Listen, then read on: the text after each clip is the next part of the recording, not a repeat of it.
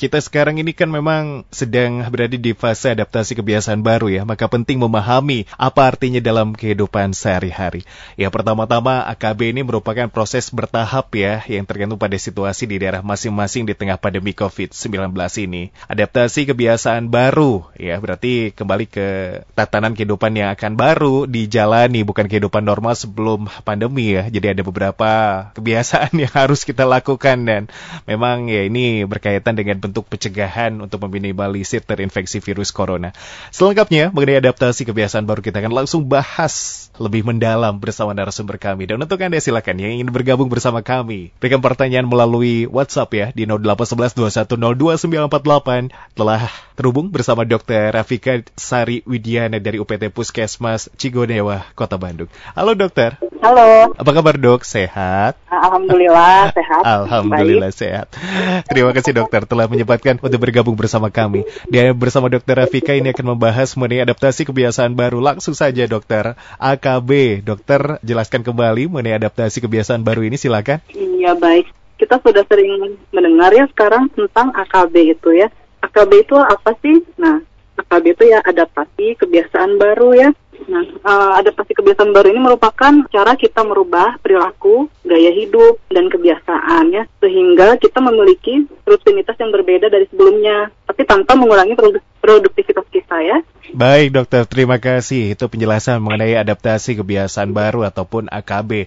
Kebiasaan baru atau kebiasaan apa yang berbeda dari sebelum pandemi dan sekarang dok? Selama pandemi ini berlangsung ya, memang sangat-sangat berbeda dari sebelumnya ya. Ya saat ini mau tidak mau kita dipaksa untuk beradaptasi dengan kebiasaan-kebiasaan baru uh, yang bisa jadi merupakan norma baru dalam kehidupan kita. Seperti misalnya kayak uh, kegiatan belajar mengajar mm -hmm. yang sebelumnya dilakukan tatap muka langsung ya. Yeah, yeah. Sekarang uh, dilakukan secara virtual, anak-anak juga belajar secara online. Kemudian bisa dilihat juga dari uh, perilaku masyarakat mm -hmm. uh, telah berubah dengan menjaga jarak, mengurangi kontak langsung yang sebelumnya mungkin tidak dilakukan sebelum pandemi ini ya dan perubahan juga tampak pada kebiasaan untuk menjaga kesehatan seperti mungkin uh, sekarang banyak orang rajin mencuci tangan mm -hmm. kemudian selalu menggunakan masker di mana pun berada dan uh, mempraktekkan etika batuk itu yang merupakan hal yang wajib saat ini dilakukan ya di saat pandemi ini gitu berbeda dari sebelumnya mungkin uh, lebih bebas tanpa mm -hmm. memperhatikan apa ya kesehatan seperti itu. Baik. Ya, mungkin seperti itu. Jadi itu ya tentunya kebiasaan yang berbeda saat ini dan juga sebelum pandemi begitu ya dok. Nah lalu tentunya kenapa adaptasi kebiasaan baru ini yang selalu diingatkan menjadi pedoman kepada seluruh masyarakat tanpa terkecuali begitu ya untuk iya. kondisi seperti ini. Mengapa dokter perlu dilakukan AKB ini dok? Iya, adaptasi kebiasaan baru ini sangat penting ya dilakukan karena ini uh, merupakan pola hidup berstandar mm-hmm. pada disiplin protokol kesehatan mm-hmm. yang fungsi, yang fungsinya itu untuk mencegah penyebaran virus corona dan mm-hmm. agar kita terlindungi juga ya. Dan ini juga tentunya bonusnya adalah selain bentuk pencegahan untuk virus corona untuk kondisi kesehatan lainnya juga ya dok ya karena memang ini lebih bersih hidupnya juga mungkin sekarang lebih teratur mungkin ya dok ya untuk ya, kedisiplinan betul. masyarakat ya dok. Iya betul mas. Nah, tentunya kan ini pemerintah melalui uh, Kementerian Kesehatan dan Dinas Kesehatan serta tenaga medis dan lain sebagainya ini selalu terus mengingatkan kepada seluruh masyarakat yang beraktivitas di luar ruangan atau di luar rumah untuk menerapkan adaptasi kebiasaan baru ini. Dan tentunya di sisi lain ini ada faktor resiko ataupun akibat. Bila masyarakat tidak menerapkan AKB apa saja dok akibatnya yang mungkin bisa saja terjadi atau bisa dialami? tentu saja ya uh, jika AKB ini tidak kita terapkan otomatis pandemi ini akan sangat panjang hmm. dan juga angka kasus COVID-19 ini ya akan meningkat mas. Jadi sebagai bentuk dukungan juga ya dok ya kedisiplinan kita ini membantu pemerintah, membantu tenaga kesehatan juga untuk memerangi kondisi saat ini betul ya dok? Iya betul mas. Baik. Jadi ini peran semua hmm, untuk hmm, hmm. supaya pandemi ini supaya tidak sangat panjang gitu ya. Betul betul betul. Supaya cepat usai lah ya dok atau cepat membaik begitu ya dok. Lalu dokter kan tadi dokter sudah menyampaikan adaptasi kebiasaan baru e, meliputi apa saja. Nah ini lebih condong ke peralatan apa saja yang harus dan wajib ada atau selalu dibawa ketika beraktivitas dokter. Ya jadi peralatan yang harus dibawa pada saat uh, di masa apa uh, adaptasi kebiasaan baru ini ya tentu saja masker itu jangan sampai lupa dibawa. Masker, ya. Yeah. Jadi menggunakan masker itu jangan hanya karena takut ada petugas yang akan merazia karena tidak memakai masker, tapi harus disadari kalau menggunakan masker itu memang untuk melindungi diri kita supaya tidak terpapar oleh virus corona itu sendiri. Mm -hmm. Jadi mm -hmm. memang harus dibiasakan, jangan sampai lupa. Kemudian mungkin kalau tempat cuci tangan mm -hmm. mungkin belum, maksudnya nggak bisa nggak gampang didapatkan. Nah seperti cairan pencuci tangan, yeah. mungkin harus selalu dibawa juga seperti hand sanitizer. Kemudian jika memungkinkan juga membawa sabun cuci tangan sendiri juga um, boleh ya. Mm -hmm. Kemudian mm -hmm. juga sebaiknya kita memakai pelindung wajah seperti face shield. Jadi tidak hanya melindung uh, masker yang melindungi hidung dan mulut, yeah. tetapi mm -hmm. mata kita juga terlindungi dengan face shield itu, mas. Baik. Ya mungkin itu mm-hmm, harus mm-hmm. selalu dibawa.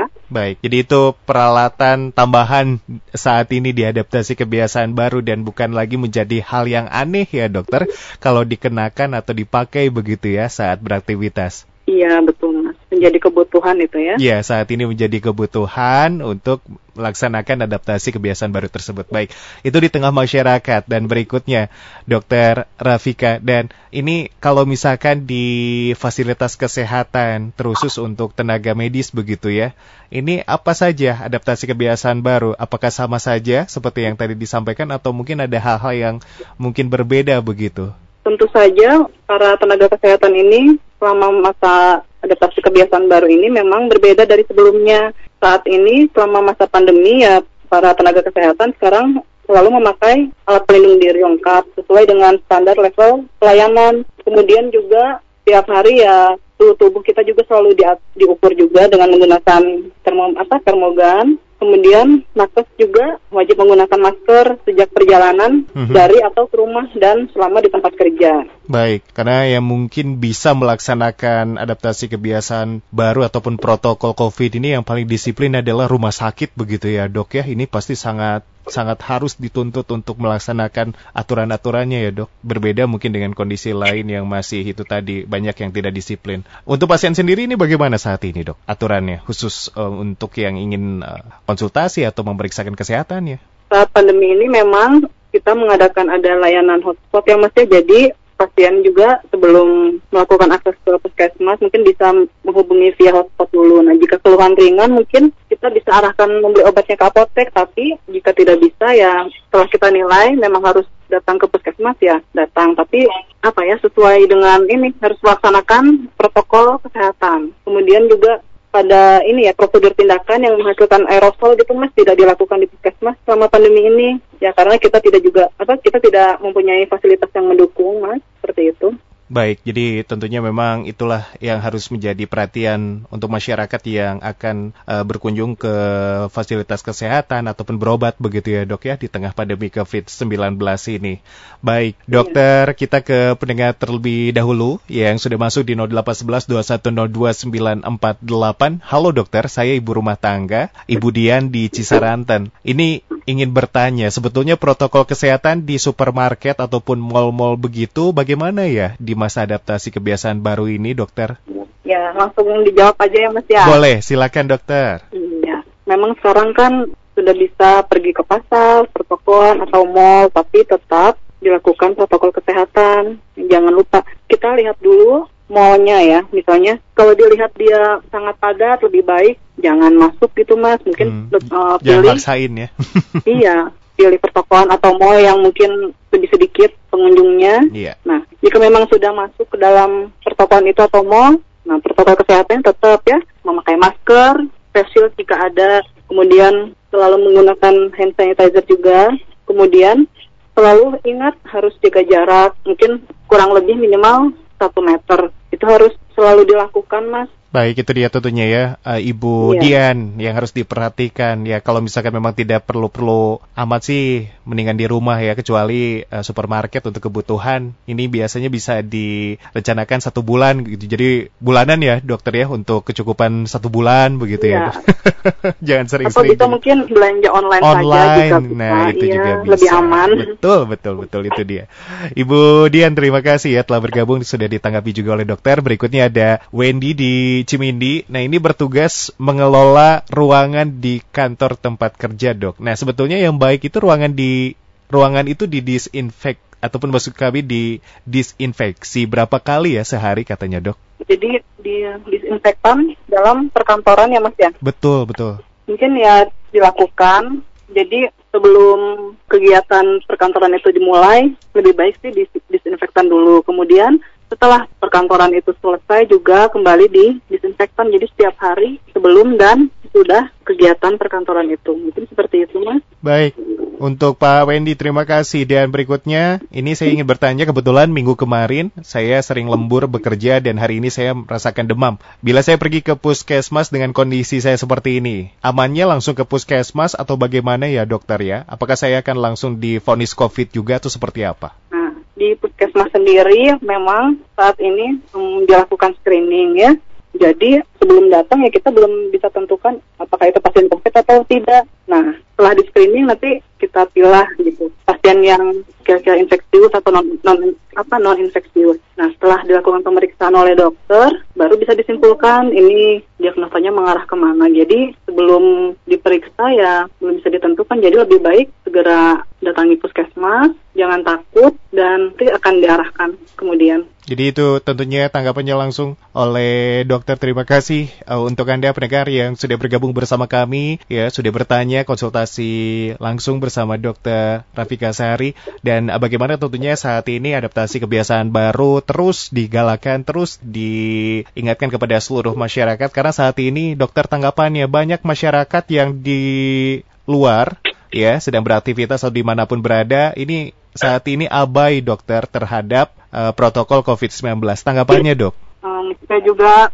sampai saat ini juga masih banyak melihat di ya di pinggiran luar sana. Mungkin masih banyak masyarakat yang menganggap adaptasi kebiasaan baru ini benar-benar dilakukan se apa seperti sebelum pandemi berlangsung. Nah jadi ya kami juga tidak bosan-bosan mengingatkan kepada masyarakat untuk saling melindungi, menjaga diri supaya tidak terkena terpapar virus corona ini ya. Nah, ya masalah ini ya kita, harus kita sikapi dengan sabar, berpikir positif dan beradaptasi dengan perubahan. Jadi selama vaksin belum ditemukan, mungkin masyarakat diimbau untuk patuh mentaati dan menjalankan protokol kesehatan yang telah ditetapkan oleh pemerintah. Jadi mungkin jika ada masyarakat yang memang sudah menerapkan protokol kesehatan itu mungkin jika melihat seorang yang abai gitu dengan protokol kesehatan mungkin bisa kita ingatkan dengan baik-baik supaya kita sama-sama terlindung dari virus corona ini gitu.